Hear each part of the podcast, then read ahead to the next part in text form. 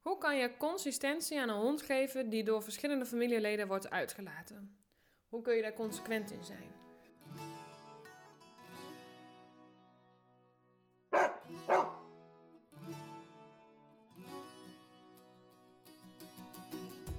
En laten we eerst even wegnemen, want wat vaak hangt aan het woord consistent en consequent is 100%. 100% consequent zijn, 100% consistent zijn. En dat zijn we niet. Je kan niet 100% consequent zijn. Het is hartstikke mooi bedacht. En het is ook iets wat heel erg leeft. Je moet consequent zijn, want anders dan.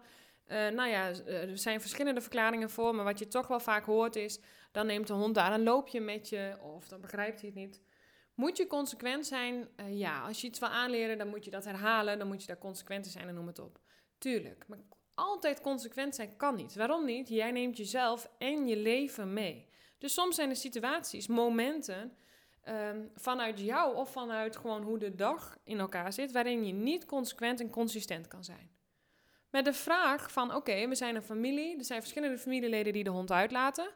Um, en wat dan? Hoe gaan we daar dan mee om? Nou, die vraag die kan natuurlijk vanuit verschillende redenen ontstaan. Het kan zijn dat er een hulpvraag ontstaat, misschien bij een van de familieleden. Of um, misschien merken jullie gewoon dat de hond daar bijvoorbeeld onrustig van wordt. En het kan natuurlijk ook gewoon zijn dat je heel graag gewoon een, een manier zoekt om de behoeften van de hond daarin zoveel mogelijk te zien. En beide zijn heel erg belangrijk. En wat ik als eerste altijd oppak is inderdaad, je, je kunt niet allemaal hetzelfde doen. Ik geloof daar niet zo in, want iedereen is een andere persoon en de hond heeft dat heel erg goed door. De hond heeft heel erg goed door met wie die samenwerkt. En ik denk ook dat de hond bij iedereen een ander stukje vindt. En ik denk ook dat een hond echt slim genoeg is om zich daarin te kunnen switchen. Maar als we het hebben over um, iets aanleren, dan kan het wel zijn dat een hond in een andere context het gewoon ingewikkelder vindt of het niet meer snapt. Dus dan is het wel extra belangrijk om in een bepaalde context, en, en dat hoeft maar iets heel kleins te, kleins te zijn wat, wat gaat veranderen, dat het dan ook aangeleerd is. En wat ik ook vaak zie, is dat er gewoon bijvoorbeeld één iemand is die eh, centraal gezien zoveel mogelijk oppakt met de hond. En nou ja, af en toe zijn er momenten dat de kinderen, een partner of noem het op, zo'n hond gaat uitlaten. Of iets met die hond gaat doen of noem het op. En voor een hond kan het ingewikkeld zijn. Misschien wel alleen al op het stukje dat het gewoon in die context niet geleerd is. En laten we ook wel zijn, hè, het is natuurlijk niet gek dat als er gewoon één iemand is die daarin het meeste doet, 70 of 80 procent of misschien wel 90 procent van de dingen oppakt, dat het natuurlijk niet gek is dat die samenwerking lekker gefine-tuned is. Omdat uh, ze van elkaar weten wat er van elkaar verwacht wordt, hoe iemand loopt, hoe iemand zijn dingetjes doet.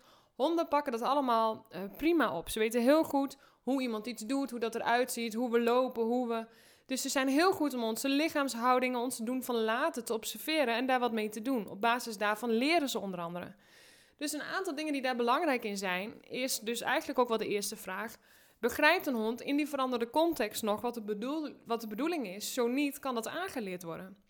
Want ik zie ook wel vaak dat uh, mensen de hulpvraag leggen van ja, als ik alleen met hem loop gaat het prima, als we met z'n tweeën lopen niet, als we met het hele gezin op pad zijn niet. En dat kan verschillende oorzaken hebben, maar het kan ook zeker te maken hebben met het feit dat het in die context gewoon ontzettend ingewikkeld is en niet aangeleerd is. Omdat er natuurlijk ook wel gewoon heel veel prikkels zijn en afleidingen zijn, maar dus een veranderende context. En soms kan je gewoon met dan in die context dat gaan trainen, zoals je dat ook één op één hebt gedaan, al ontzettend veel verschil maken. Wat ik wel vaak oppak is, hè, want hoe communiceer je dit dan binnen je familie? Ik zie dat als een soort team.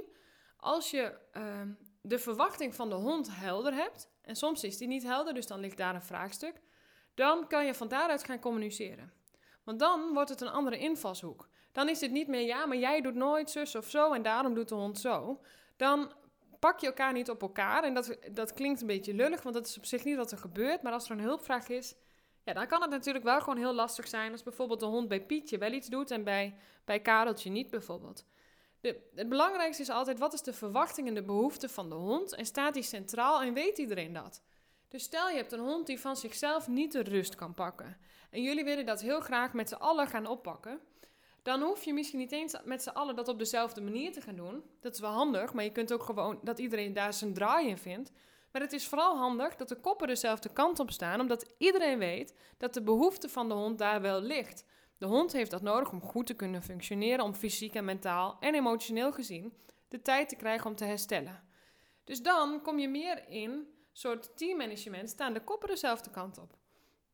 Daarbinnen zijn natuurlijk allerlei verschillende manieren om dat op te pakken. Nou, dan kun je zeggen, iedereen moet dat hetzelfde oppakken. En daar valt wat voor te zeggen.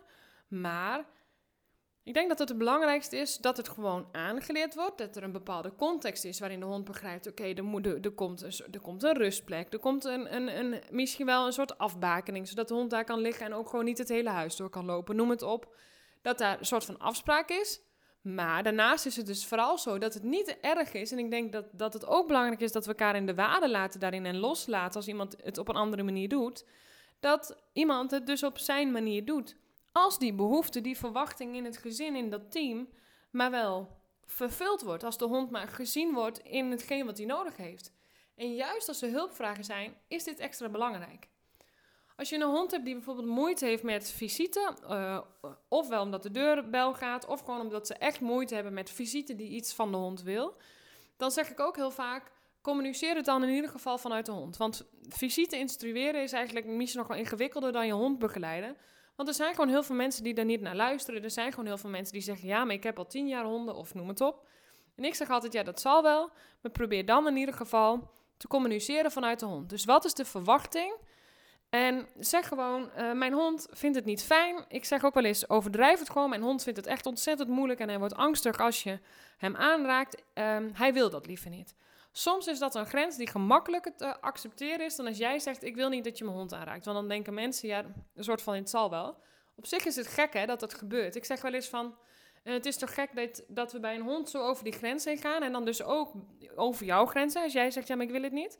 Dus het is ook een interessante persoonlijke hulpvraag. Want ik denk dat bij mij hier thuis de hond niet aangeraakt wordt als ik dat niet zou willen. Dus de vraag is ook gewoon, waar zit hij intern? Maar het is ook een algemeen stukje hoor. Hij staat ook los van jou. En, en ik vergelijk het vaak met de keukenkastjes. Het is toch ook raar dat ik bij jou binnenkom en meteen in de keukenkastjes ga kijken. Waar komt het idee vandaan, het recht om maar meteen zo bovenop zo'n hond te duiken? Waar is de hond in deze hele context? Nou goed, dat is een hele andere podcast. Maar ik denk dat. Uh, is het belangrijk om consistent en consequent te zijn? Ik denk dat het belangrijk is dat de neuzen dezelfde kant op staan. Dat je weet waar heeft mijn hond behoefte aan. En uh, hoe zou je dat kunnen doen? Als we dan de vraag wel gaan oppakken. Dus hoe kan je dan consistent uh, zijn voor de hond die door verschillende familieleden wordt uitgelaten? Ik zou beginnen met echt het aanleren binnen die verschillende contexten. Dat een hond daarmee kan lopen. Dat een hond daaraan kan wennen. En dat kan je natuurlijk op heel veel manieren doen. Soms moet je die ook heel erg gaan afbouwen, die stapjes. Dus niet meteen een hele wandeling maken, maar dat je heel kort iets gaat doen. Soms kan het ook helpen als je de taken in huis gewoon wat gaat verdelen, zodat er niet een centraal iemand is die, die altijd alles maar doet en dat er dan in één keer iemand iets nodig heeft. Uh, uh, waardoor de hond, bedoel ik, door een ander uitgelaten wordt. En je kunt het ook doen door uh, het gewoon echt aan te leren, goed te belonen ook. Uh, met stemgebruik, maar ook gewoon met, met koekjes, met iets lekkers. Uh, soms kan het ook gewoon helpen als je zegt, nou we doen de lijn om. En we zetten een stap buiten en je beloont de hond dat hij gewoon op die manier vrijwillig is meegegaan. Dat je dat hebt aangeleerd. Het kan zelfs nog een stap te ver zijn. Dus als het echt een hulpvraag is, dat je gewoon je hond bij je roept naar de voordeur. Dat je hem beloont en dat je, dat je het weer loslaat en dat je dat herhaalt. Dat je uh, je hond bij je roept en dat je hem een halsband of zijn tuig omdoet. En dat je dan vertrekt. Dat je dat hele proces doet en dat je dan naar buiten gaat. En dat het lijkt alsof je dan en weer naar binnen gaat. Maar dat je het gewoon echt gaat aanleren. En degene waar de hulpvraag ontstaat, of misschien in het algemeen, dat je die gaat oppakken. Dus heel vaak moet je het gewoon aanleren. En hoe kan je dan consistent zijn? Ik zou vooral dus zorgen, hebben jullie de koppen dezelfde kant op staan? Die hebben zowel te maken met de opvoeding, de opvatting over honden. Hoe willen wij een hond opvoeden? En is daar um, duidelijkheid over? Of um, zijn daar verschillen in? Want dat zie ik ook wel vaak. En als die verschillen er zijn, kunnen we dan een compromis doen? Hoe vinden we dan een weg die voor iedereen fijn is? En waar komen die opvattingen vandaan? Is er dan misschien kennis nodig om een opvatting te kunnen veranderen? Um, elkaars behoeften daar ook in aanspreken. Als de een zegt, ja, maar ik wil graag dat een hond zo opgevoed wordt. En iemand anders zegt, ik wil graag dat de hond zo opgevoed wordt. Ja, hoe kan je er dan voor zorgen dat je elkaars behoeften daarin hoort? Ik denk dat die ook heel belangrijk is. Zonder elkaar daarin uh, klein te maken of er ruzie over te krijgen. Ik denk dat dat zonde is. Dus ik denk dat als je vanuit je behoefte spreekt, dat die heel belangrijk is. Daar kun je dus ook hulp bij krijgen, misschien wel, vanuit een hondenschool, vanuit een hondengedragsdeskundige. Dat je zegt, nou, ik, ik wil hier een sessie voor boeken, uh, zodat je elkaars punten ook op tafel kan zetten. Dat, dat je aangeeft wat jij belangrijk vindt in de opvoeding van een hond. Want hoewel het misschien over de hond gaat, en hoewel ik kan zeggen als hondengedragsdeskundige, ik vind het belangrijk dat de hond centraal staat, dat vind ik ook. Maar we hebben ook ons stuk, onze opvattingen, onze normen en waarden die we meenemen. En ik denk altijd dat je die normen en waarden heel goed kan, eh, zowel kan fine-tunen als er, als er ook aandacht aan geven en, en, en gehoor aan geven, als dat gewoon voor alle partijen goed uitpakt. Want uiteindelijk is het ook een wisselwerking. We moeten het met elkaar doen. Jullie hond is een onderdeel van de familie, van het team, al ben je met z'n tweeën of noem het op. En daarbinnen moet er gewoon een, een proces gevonden worden, een, een, een opvatting gevonden worden die voor, voor iedereen uh, goed past. Jullie hebben behoefte, de hond heeft behoefte. Ik vind het natuurlijk heel belangrijk als hondengedragsdeskundige dat die behoefte van de hond duidelijk is. Waar heeft hij dan behoefte aan? Wat heeft een hond nodig om goed en veilig te kunnen functioneren? Maar natuurlijk is er ook het stukje en jullie dan. En hoe kan je daar dan een weg in vinden? Want laten we het, we, we moeten het ook realistisch houden. Uh, vandaar ook dat ik begin met de nuance. Je kan niet altijd consistent zijn. Je kan niet altijd consequent zijn. Niet iedereen kan het hetzelfde doen. Je verliest niet je credits bij de hond als jij het anders doet dan iemand anders.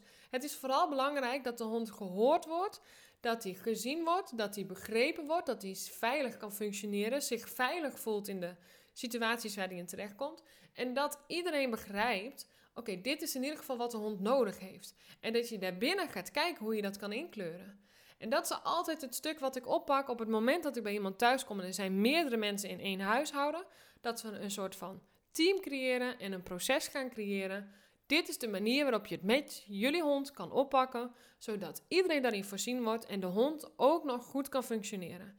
Want ik denk dat je hem dan zo realistisch mogelijk maakt en dat ook iedereen ook als mens zijnde zich daar zo veilig mogelijk in gaat voelen. Ik doe dingen heel anders dan mijn man ze doet. Maar het is niet zo dat mijn hond niet kan functioneren bij mijn man. Ik doe ze gewoon anders. Ik zie meer. Ik zit er meer bovenop. Um, als ik soms iets anders zou willen zien, dan spreek ik mijn behoefte uit. Dus dan geef ik aan wat ik fijn zou vinden in de omgang met onze hond. En ik denk dat dat heel erg de gang van zaken is. Staat, staan de neuzen dezelfde kant op? Als dat zo is, dan vind je ook wel je weg in de rest.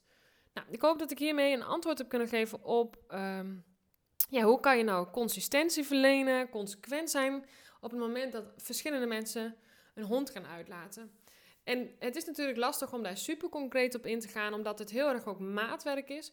Maar dit is wel mijn zienswijze op consequent met verschillende familieleden een hond opvoeden.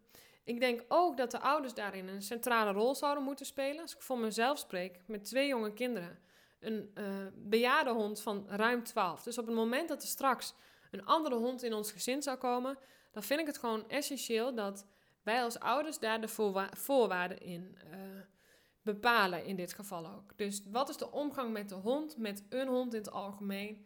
En hoe voorzien we daarin ook het stukje van de kinderen die natuurlijk van alles met zo'n hond willen? Um, en hoe communiceren we wat de hond daarin nodig heeft? Want op het moment dat een kind ook leert wat de behoeften van de hond zijn, houden we hem ook realistisch. Want ik zie toch ook heel vaak dat we vinden dat een hond daar maar mee moet leren omgaan. Hij moet maar gewoon leren omgaan met de grillen van de kind. En ik denk dat die niet fair is voor de hond. Want de hond hoeft niet overal mee om te kunnen gaan. Beter gezegd, een hond heeft natuurlijk heel erg zijn eigen grenzen, zijn eigen emoties, zijn eigen beleving van dingen. Als een hond iets niet fijn vindt, moet een kind ook leren dat daar een grens ligt. En ik denk dat die ehm, ook belangrijk is, ook voor de opvoeding van een kind. Een kind leert daar superveel van. En een hond leert er ook veel van, want een hond gaat zich daardoor veilig kunnen settelen. Dus dat is mijn visie op hoe je daar consistent en consequent mee om kan gaan. Hier valt vast nog heel veel over te zeggen, maar dit leek me een prachtig begin om uh, mijn ideeën hierover te delen.